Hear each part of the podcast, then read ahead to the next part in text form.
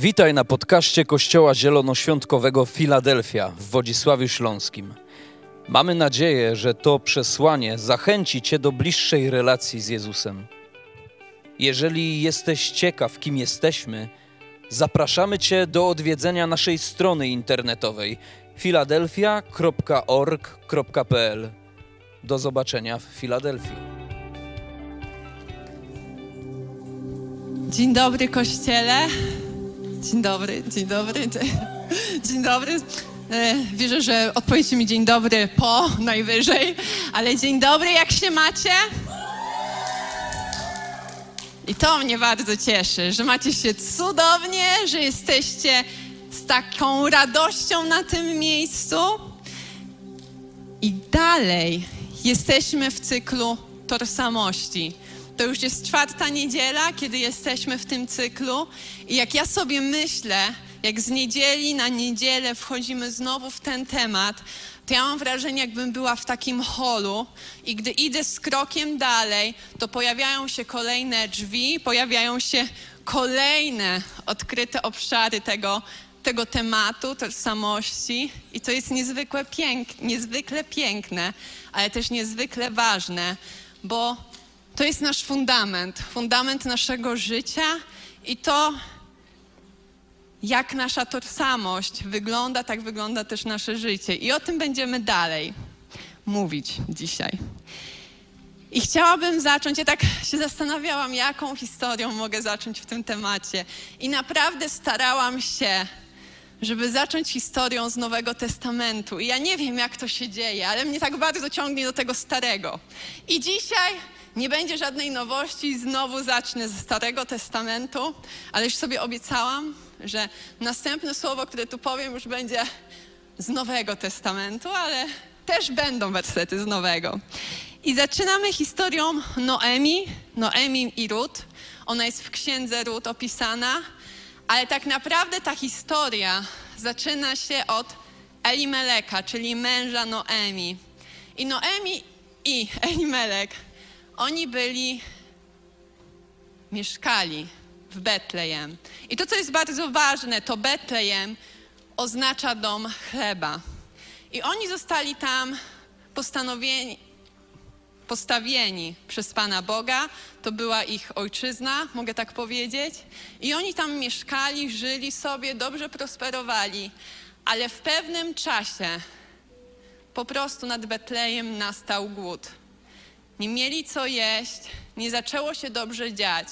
I tak sobie myślę, że może wielu z nas jest w takiej sytuacji, gdzie Bóg nas gdzieś postawił, umiejscowił nas w jakimś miejscu, może mieście, może pracy, może szkole, danej szkole. I zaczęło się źle dziać. I tak też tam się zaczęło źle dziać. I Elimelek i Noemi mieli dwa rozwiązania albo mogli zaufać Panu Bogu, że pomimo trudnej sytuacji On ma na to rozwiązanie, zaopatrzy ich, coś z tą sytuacją zrobi, albo mogli wybrać ucieczkę. I to, co ja sobie myślę, to, że Elimelek wraz z Noemi, oni po prostu zwątpili w Bożą miłość, w Bożą dobroć, w to, jaki Bóg jest oni zaczęli myśleć nad własnym rozwiązaniem, co oni mogą zrobić, aby się zaopatrzyć, aby nie, nie doświadczać tego głodu. Oni zwątpili to, że Bóg odpowie w odpowiednim czasie. I oni niestety wybrali ucieczkę. Uciekli z Betlejem, przenieśli się do Moabu. I może wielu z nas teraz jest w takim miejscu, gdzie nie widzimy jakiegoś rozwiązania, danej sytuacji, że myślimy, że Bóg pewnych rzeczy nie widzi, że musimy coś sami znaleźć, jakieś dane rozwiązanie na sytuację. A nawet jeśli nie zdarzyło ci się zwątpić w Pana Boga, w Jego miłość, w Jego tożsamość względem nas, to bardzo dobrze, to jest piękne i cieszę się z tego, ale myślę, że wielu z nas doświadczyło czegoś takiego jak zmartwienie. Martwimy się może o to, co będzie jutro, o to, czy nasi współpracownicy w pracy będą nam przychylni. Są różne przestrzenie, o które możemy się martwić. I gdy myślę o tej sferze i przestrzeni martwienia się, to jest taki fragment w Biblii. I on jest w Ewangelii Łukasza i brzmi tak. Do swoich uczniów powiedział natomiast: Dlatego mówię wam, przestańcie martwić się o życie, o to, co będziecie jeść, a także o ciało, o to, w co się ubierzecie. Życie bowiem znaczy więcej niż pokarm, a ciało niż okrycie. Zwróćcie uwagę na kruki, że nie sieją ani żną, nie mają spichlerzy ani stodół i Bóg je karmi. O ile więcej wy znaczycie niż ptaki. Kto z was dzięki trosce może swoje życie przedłużyć o godzinę? Jeśli więc tak małej rzeczy nie potraficie, to dlaczego martwicie się o całą resztę? Zwróćcie uwagę na lilie, jak rosną. Nie trudzą się ani nie przędą, a mówię wam, nawet Salomon w całym swym przepychu nie ubierał się tak, jak jedna z nich. Jeśli więc trawę na polu, która dziś, dziś jest, a jutro może być wyrzucona do pieca, Bóg tak przyozdabia, o ileż bardziej zależy mu na was, o ludzie małej wiary. Dlatego wy też nie zastanawiajcie się ciągle, co macie jeść lub pić i przestańcie żyć w ciągłej trosce. Z tym wszystkim bowiem, bo, bowiem borykają się narody tego świata. Wasz ojciec wie, że tego wam potrzeba. Szukajcie raczej Jego królestwa, a te rzeczy będą wam dodane. I wierzę, że dzisiaj dzięki Duchowi Świętemu, dzięki mocy Bożego Słowa, dzięki Jego prawdzie, na tej sali możemy być uwolnieni od naszych zmartwień, od naszych trosk codzienności, bo jest napisane w Biblii, że poznajcie prawdę, a prawda was wyzwoli. I wierzę, że dzisiaj wielu z nas doświadczy na nowo pewnej prawdy o tym, że Bóg troszczy się o nas o wiele bardziej niż kruki, które codziennie mają co jeść, niż lilie, które są tak pięknie ubrane. I ja, jak sobie tak myślałam, jak mogę sobie zobrazować to, jaki Bóg jest, bo ja lubię sobie wyobrażać pewne rzeczy, lubię sobie jakoś tak to poukładać w głowie, muszę mieć jakoś tak to wyszczególnione.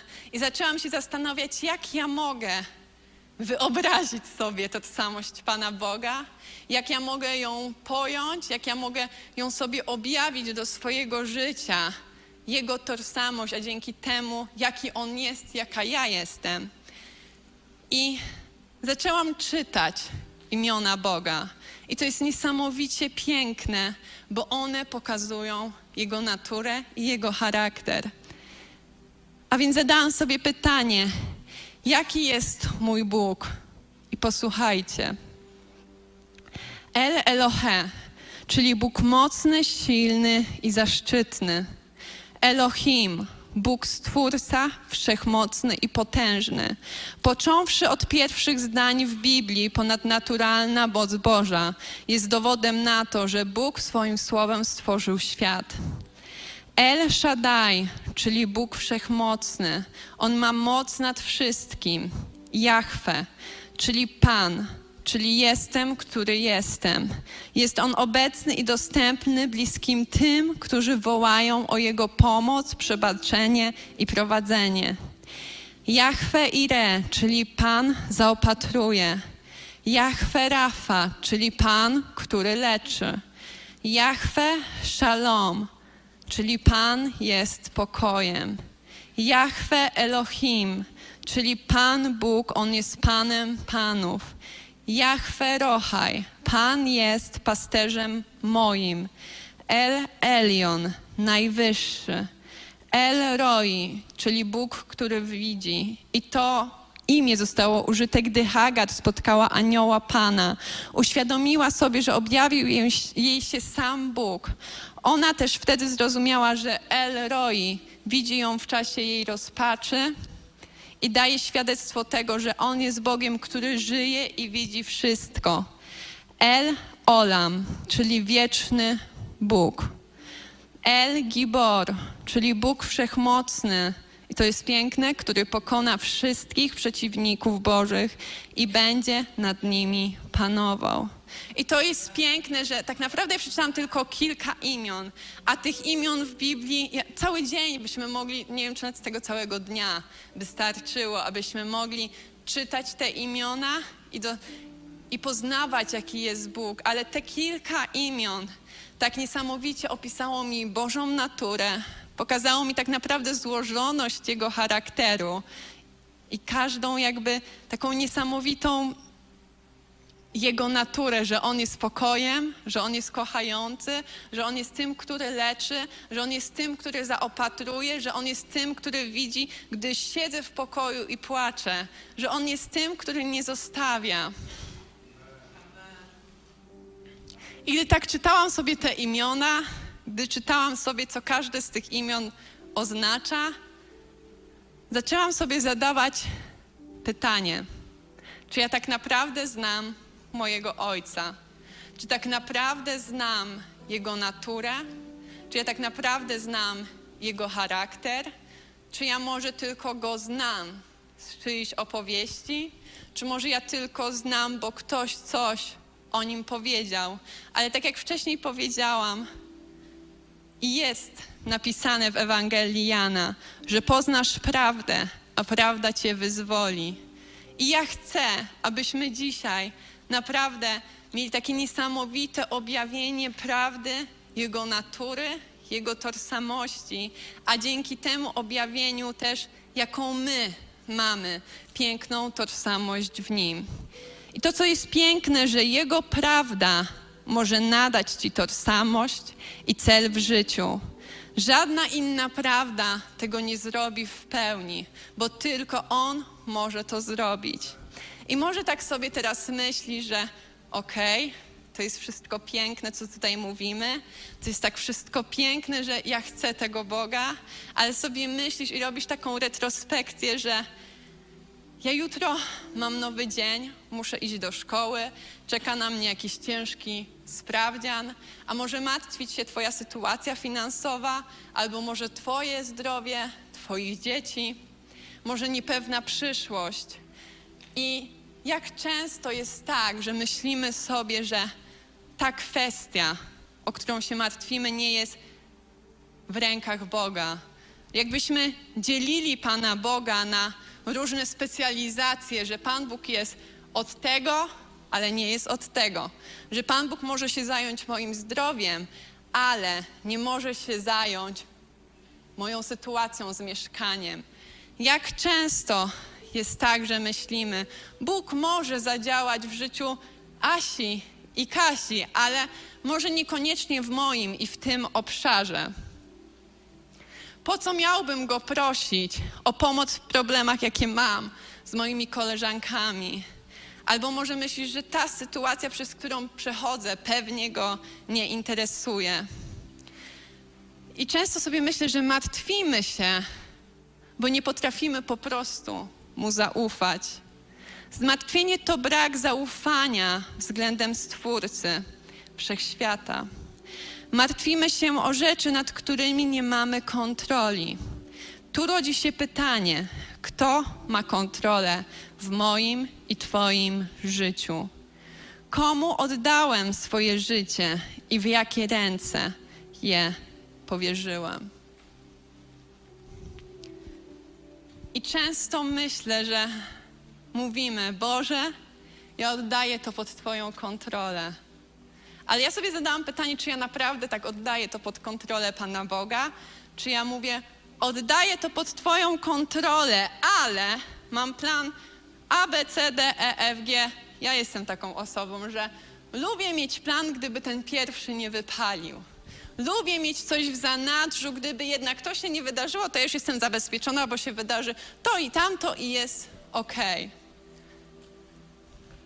Albo mamy może takie myśli, że to też ja i próbuję się tego wyzbyć, że przygotowuję się na najgorsze, bo nie chcę się rozczarować, że przygotuję się na to, że no najwyżej Pan Bóg nie odpowie, ale to nic, bo może się to wydarzyć i ja już jestem na to przygotowana. Ale sobie myślę, że ja nie chcę mieć takiego myślenia, bo On jest królem królów, On ma moje sytuacje w rękach i nic najgorszego się nie wydarzy, a nawet jeśli coś nie pójdzie po mojej myśli, to On to wtrzyma w swoich dłoniach, On ma nad tym kontrolę i nawet jeśli ja nie widzę dobrego zakończenia, to On już wie, co tam się wydarzy. I jak sobie myślę o takim zaufaniu i troskach, to przyszła mi taka historia z moich studiów, kiedy szłam na licencjat i to nie było tak dawno, to było niedawno, e, więc to było tak, no, niedawno. I tego się trzymajmy. To było niedawno. Wiecie, musiałam wybrać, na jaki kierunek idę. Byłam pewna tego, jaka to ma być uczelnia, jakie miasto, więc to wszystko mi pasowało. Ten kierunek też wybrałam. I wiecie, poszłam na, na te studia, przechodziłam pierwszy miesiąc, przechodziłam drugi miesiąc. Miałam takie poczucie, że to miasto, w którym jestem, jest super. Jakby to jest też niesamowite, że pomimo tego, że nie mieszkam w Wodzisławiu, mogę być tutaj w kościele, mogę dalej służyć naszemu Bogu. Jestem na super uczelni, ale ten kierunek to trochę nie wiem, jak go wybierałam. I ja wpadłam na taki pomysł, że no coś trzeba z tym zrobić. I z jednej strony chciałam być jak ten Elimelek, który ucieknie, bo ten kierunek przytłacza i wiem, że już nie jest dla mnie. Ci ludzie, którzy tam byli, oni wszyscy byli tak sfokusowani na tych tematach, tak zorientowani na te tematy, oni już wiedzieli, co oni po tych studiach będą robić, a ja miałam takie, no że chyba troszkę się pomyliłam z tą uczelnią, że chyba, chyba to nie dla mnie. I, I wtedy gdzieś tam miałam takie, no to może wiecie, rzucę ten rzucę te studia, rzucę ten kierunek, a z drugiej strony nie, był we mnie taka niezgoda, że ja wiem, że ja nie, nie, nie, nie chcę mieć tego roku przerwy. I ja wiem, że, że tak to nie może być. I, I to było też takie niesamowite, bo wtedy moi rodzice pomyśleli, no dobrze, ale czy jest jakiś kierunek na tej uczelni, który ty byś chciała studiować? Ja miałam, no że w sumie jest, że chciałabym, że w sumie to to mogłabym na ten kierunek zmienić, że on mnie interesuje, że myślę, że jest gdzieś tam związany z moimi mm, zdolnościami, z moimi mocnymi stronami. No ale tutaj przychodzi problem. Jak po dwóch miesiącach nagle ja mogę zmienić kierunek, jeśli rok już trwa? I to było takie fajne, bo żeby nie powiedzieć, że za mnie rodzice napisali podanie, to pomogli mi napisać podanie o zmianę kierunku, zmianę, y, zmianę tego, co studiowałam. Tylko, że ja, gdy już napisaliśmy to podanie, przeczytałam regulamin uczelni. I tam było napisane, że można ubiegać się o zmianę kierunku dopiero po pierwszym roku studiów, czyli jak Pierwszy i drugi semestr jest zaliczony, jak wszystkie przedmioty mamy zdane, wszystkie tam punkty ECTS się zgadzają. I tutaj z, zrodził się w moim takim sercu takie mocne zmartwienie, bo ja na tej uczelni byłam dopiero dwa miesiące. Tak naprawdę według tego regulaminu to tam nic się nie zgadzało. Oni nawet nie wiedzieli, jaką ja jestem studentką, czy będę miała dobre oceny, czy jestem wytrwała w tym. No ale miałam to podanie i miałam dwie drogi. Albo je wysłać pocztą, albo pójść chyba do, dziekanat, do dziekanatu, do pani dziekan e, i je złożyć.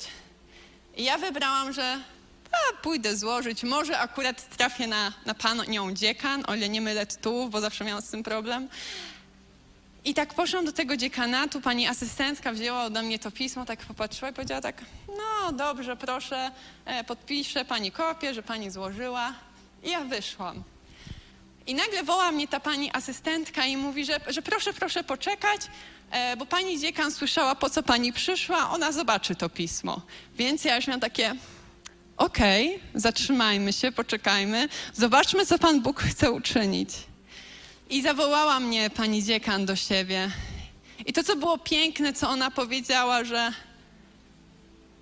ona mi podpisze to pismo i ona podpisze to moje podanie, bo ona nie chce stać na drodze mojego rozwoju. I ona, pomimo tego, że wbrew regulaminowi oni nie mogą przerzucać oficjalnie jakby studentów, którzy są tak naprawdę dwa miesiące na uczelni, ale jak wiemy władze uczelni są ponad regulaminami, a ja sobie pomyślałam, że tak naprawdę mój Bóg jest ponad władzami uczelni i jeśli chciał, żebym była na tej uczelni, jeśli chciał, żebym była na tej drodze w tym mieście, to nawet jeśli regulamin mówi tak, to on może zrobić wszystko, aby tą sytuację zmienić. I czy nie martwiłam się? Martwiłam się, ale wiedziałam, że mogę tą sytuację oddać pod jego kontrolę, bo to, co ja mogę zrobić, to już zrobiłam, a to, co niemożliwe, jest w jego rękach.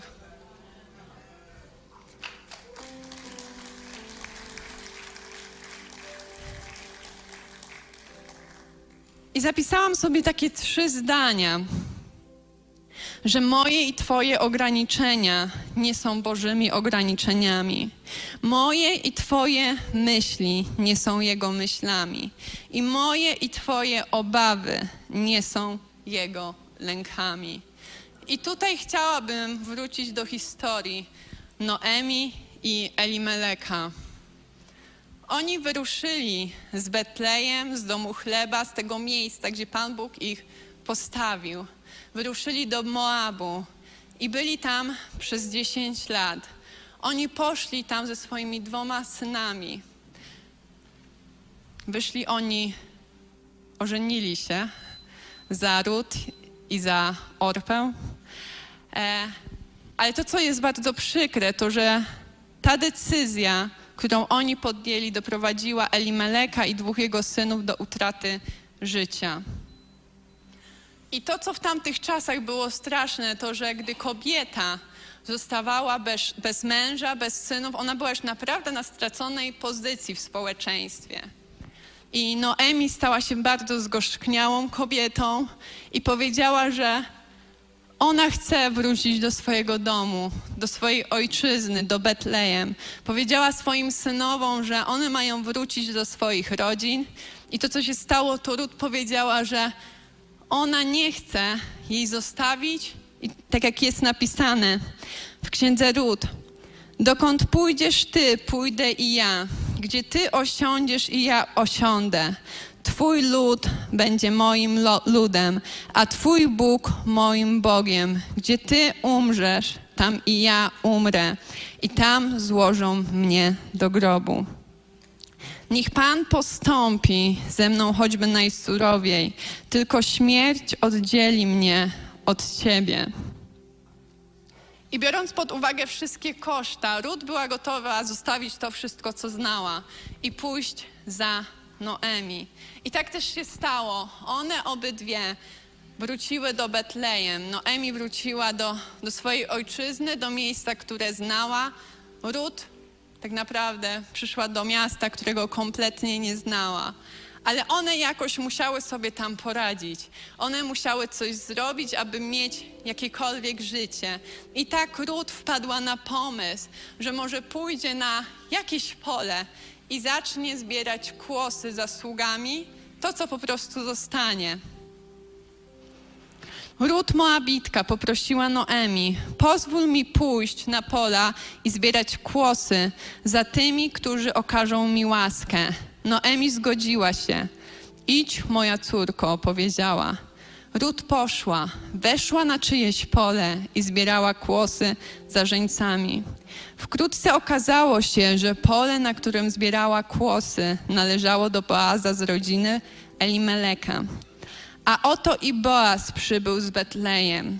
Pan z wami, pozdrowił żeńców. Niech ci, niech, niech ci Pan błogosławi, odpowiedzieli. Kim jest ta młoda dziewczyna? zapytał Boaz. E, sługa odparł, to Moabitka, ta, która wróciła z Noemi z Moabu, przyszła do mnie i poprosiła, pozwól mi zbierać kłosy między snobami, między snopami za, za żniwiarzami. Przyszła wcześniej rano i pracuje wytrwale do teraz. Pod dach skroniła się tylko na chwilę. Boaz przyszedł do ród, Posłuchaj, moja córko, nie idź już na inne pole, nie odchodź stąd. Trzymaj się moich służących, przyjrzyj się, gdzie żną moi słudzy i chodź za moimi dziewczynami. I myśl, która płynie dla mnie z tego fragmentu, to to, że Noemi udała się na pole z radością i chęcią, aby usłużyć swojemu domostwu. Tak się stało, tak to Bóg, Pan, Pan Bóg pięknie poprowadził, że ona trafiła na pole Boaza, który był spokrewniony z rodziną Noemi, Elimeleka. I to, co powiedział Boaz, i to, co dla mnie płynie niesamowicie z tego fragmentu, bo powiedział jej: Nie idź już na inne pole, pozostań na tym, które jest moje. I to, co ja widzę z tego fragmentu, to po prostu bądźmy w miejscu, w którym Pan Bóg nas stawia. Nawet jeśli na początku to może się wydawać trudne, może nie wydaje się miejscem niesamowitego błogosławieństwa, bo ona po prostu szła za służącymi i brała to, co zostawało. Ale Bóg już miał w tym niesamowity plan.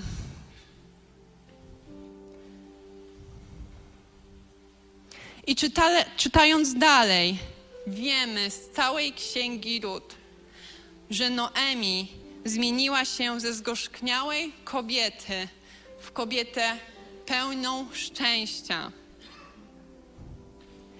Widzimy też bardzo, jak zmieniło się życie Rut, która tak naprawdę z, o, z owdowiałej poganki, żyjącej daleko od Boga, zmieniła się w matkę genealogicznej linii, która nie tylko wyda króla Dawida, ale też da światu Jezusa. I ta historia dla mnie nie tylko jest historią o Elimeleku, o Noemi, o Rut, o Boazie, ale jest dla mnie przykładem naszej historii, naszej relacji z Jezusem. I tak bardzo mi to przypomina historię, którą mieliśmy ostatnie dwie niedziele, czyli o synu, który wraca do domu. Tak tutaj Noemi wróciła do domu, wróciła do miejsca swojego przeznaczenia. Rut wróciła do, nie wróciła, ale miała okazję dzięki Noemi poznać to miejsce pięknego błogosławieństwa. I może dzisiaj czujesz się jak Noemi, która osoba pełna goryczy w stosunku do Boga, a może jak Rut, daleko od poznania prawdziwego Boga, od poznania tego, kim jest jaki jest i jaką masz dzięki naszemu Bogu tożsamość.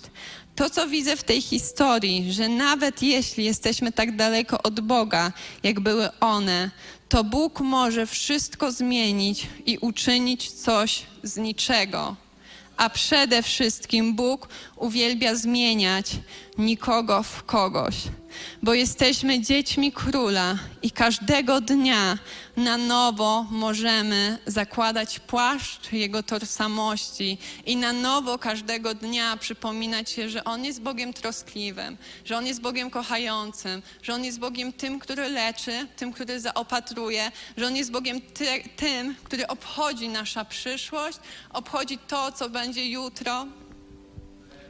I zadałam sobie w tym wszystkim takie pytanie, które chcę również zadać dzisiaj Wam. Jak wyglądałoby nasze życie, gdybyśmy przestali się martwić? I nie mówię tu o takim życiu, że wychodzimy teraz, jutro jest poniedziałek, przyjdę na dziesiątą, bo co tam mnie obchodzi, co się stanie w pracy. Nie, ja nie mówię o nieodpowiedzialnym życiu, ale ja mówię o życiu, że gdzie wiesz, kto ma kontrolę nad Twoim życiem, nawet jeśli zdarzają się trudne sytuacje. I to, co jest piękne i płynące z tego dzisiejszego przesłania, to, że Bóg jest moim i Twoim pokojem. Pokój to nie tylko, co Bóg daje, to nie jest tylko, co On może Ci dać, ale pokój to On. Bóg jest pokojem. On jest pokojem. On jest Bogiem pokoju. Jezus powiedział: Pokój zostawiam Wam, mój pokój Wam daję. Daję go Wam inaczej niż daje świat. Nie ulegajcie trwodze i nie bójcie się. Uwierzmy dzisiaj w to i uchwyćmy się tego bardzo mocno. Boży pokój przychodzi od Boga pokoju i On sam jest księciem pokoju. Ale może zastanawiasz się, ale jak w tej codzienności praktycznie mamy to zrobić? Jak w tej codzienności, która czasem jest pełna chaosu, mamy to wziąć, mamy to zgarnąć do swojego serca i tym żyć. I wypisałam sobie parę takich punktów, które mi w praktyce pomagają każdego dnia ubierać się w tą Bożą tożsamość. Tak jak teraz powiedziałam, każdego dnia ubierz się w Jego tożsamość, w Bożą w tożsamość, nie w to, co mówią okoliczności, nie w to, co mówią nasi znajomi, ale załóż szaty króla, Jego tożsamość. To, że On jest tym, który leczy i który widzi wszystko. Przynoś wszystko Jemu, przynoś wszystko pod Jego stopy. Zrób to, co możesz zrobić, a niemożliwe zostaw Jemu. I to, co jest dla mnie piękne, to bądź wdzięczny. Czy wiesz, że możesz uwolnić się od zmartwień, będąc po prostu wdzięcznym? Dziękowanie Mu za to, kim jesteś i za wszystko, co masz. Bo kiedy troski znikają, pojawia się wiara, a Bogu podoba się serce oczekujące, pełne nadziei. I tak jak jest napisane w Biblii, wszelką swoją troskę zrzućcie na Niego, gdyż On troszczy się o Was. Przestańcie się martwić o cokolwiek, raczej w każdej sprawie. Gdy się modlicie, proście z wdzięcznością, przedstawiajcie swoje potrzeby Bogu. A pokój Boży, który nie ogarnia żaden umysł, będzie w Chrystusie Jezusie strzeg waszych serc oraz myśli. I to są Boże obietnice dla nas, które wynikają z Jego pięknej, boskiej natury. I to, co jest dla mnie takie niesamowite, to dziękowanie Mu w każdej sytuacji. Ja kiedyś tego nie rozumiałam, jak mogę Mu dziękować w każdej sytuacji. Ale to, co zrozumiałam, to, że ja mogę Mu dziękować w każdej sytuacji, nawet gdy te sytuacje są trudne, bo ja już mogę Mu dziękować za to, jakie On rozwiązanie przyniósł na daną sytuację, za to, że może ustrzegł mnie od czegoś wiele gorszego, ale przede wszystkim za to, że On już widzi koniec i pomimo tego, że może ja nie wiem, jakie jest rozwiązanie, On już je ma. I ostatni taki punkt, który jest dla mnie niesamowicie ważny, to gdy nasze serce ogarnia zmartwienie, gdy ogarnia lęk, przywołuj to wszystko do swojego życia, co Bóg już uczynił, jakie cuda uczynił, z czego Cię wyciągnął, czego doświadczyłeś pięknego, jakie były świadectwa. Jeśli o tym zapominasz, to może wypisz to sobie na jakiejś kartce, przyklej sobie gdzieś i czytaj codziennie, co Bóg pięknego zrobił w Twoim życiu. I na koniec zapisałam sobie takie zdanie, że nie pokonasz martwień, martwiąc się o nie. Pokonasz zmartwienia, przenosząc je na kogoś, czyli na Boga, który faktycznie może coś z tym zrobić. Kiedy kończą się Twoje możliwości, a zaczynają się możliwości Boga. I tak po ludzku mamy o co się martwić, ale z Bożego punktu widzenia nie ma takich sytuacji. Pan według mocy, działając w nas, może uczynić o wiele więcej ponad to wszystko, o co prosimy lub o czym myślimy. Bardzo często w naszym życiu obraz naszego Boga jest ukształtowany przez doświadczenia i zdarzenia. Jednak Bóg pokazuje siebie jako troskliwego Ojca, który troszczy się o swoje dzieci. Zmartwienie się to podważanie Jego ojcowskiej dobroci. Dlatego, kiedy pojawiają się stres i martwienie się odnośnie naszej doczesności, przywołujmy prawdę Bożego Słowa, że Bóg Ojciec się troszczy. I ostatnio na naszym dobrym domu usłyszałam takie piękne zdanie, które cały czas we mnie pracuje. I było powiedziane, jedna osoba powiedziała, że ona nie chce żyć życiem takim, jakim oferuje jej ten świat, ale ona chce żyć życiem takim, jakie oferuje jej Bóg, ofer oferuje jej Królestwo Niebios. I to jest piękne, że właśnie mamy taką możliwość. Nie musimy żyć, żyć tym realnym, które jest tutaj na ziemi. Nie chodzi mi teraz o to, żeby wpakować się w jakąś bańkę, ale chodzi mi o to, że możemy żyć ze świadomością tego, kim jest mój ojciec, jaka jest jego tożsamość, jaka jest jego natura, a dzięki temu, jaki jestem ja i na czym jest zbudowana moja tożsamość. I kościele możemy powstać.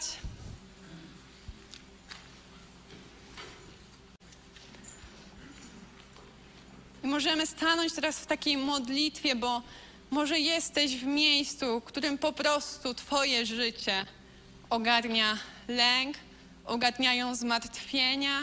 Może jesteś w takim miejscu, gdzie na nowo potrzebujesz, aby Boża natura, aby Jego serce, aby Jego charakter objawił się w Twoim życiu.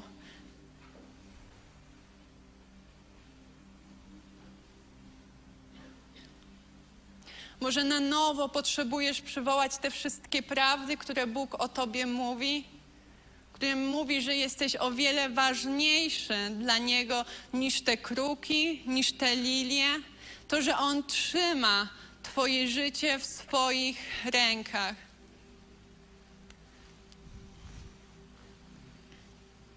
Panie, my Ci dziękujemy, że Ty jesteś Bogiem pokoju, że Ty jesteś Bogiem, który nigdy się nie spóźnia, że Ty jesteś Bogiem, który odpowiada, że Ty jesteś Bogiem, który leczy, że Ty jesteś Bogiem szalom, że Ty jesteś Bogiem, który zaopatruje, że Ty jesteś Bogiem początku i końca, że Ty jesteś Bogiem, który trzyma cały świat, Panie Boże, w swoich rękach, że Ty jesteś Bogiem, który trzyma całą władzę w swoich rękach, że Ty jesteś Bogiem, który trzyma każdą sekundę naszego życia w swoich rękach.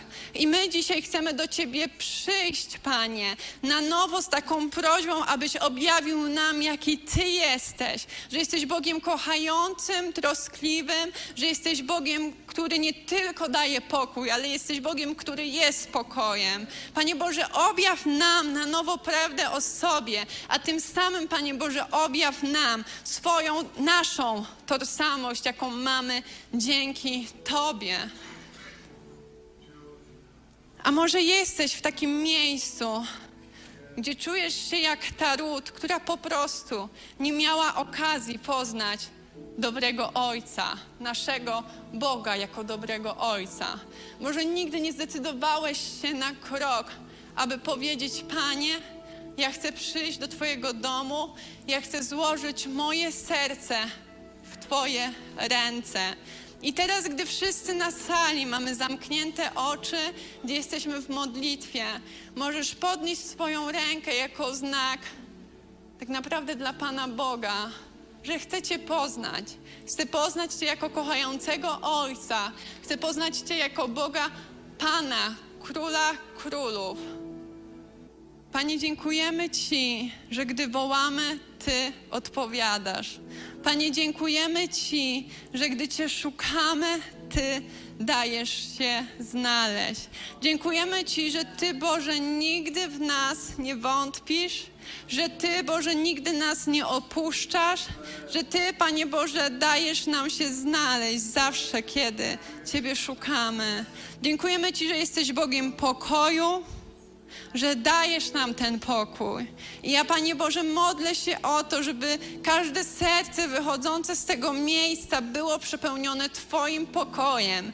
Nawet jeśli dookoła szaleje burza, ja modlę się o to, aby każda myśl była poddana pod Twoje, Panie Boże, panowanie, aby w naszym umyśle, Panie Boże, panował Twój pokój, Panie Boże, Twoja miłość. Panie Boże, objawiaj się, Panie Boże, w naszej codzienności codzienności, jako ten Bóg troskliwy, Panie Boże, pełen łaski, kochający.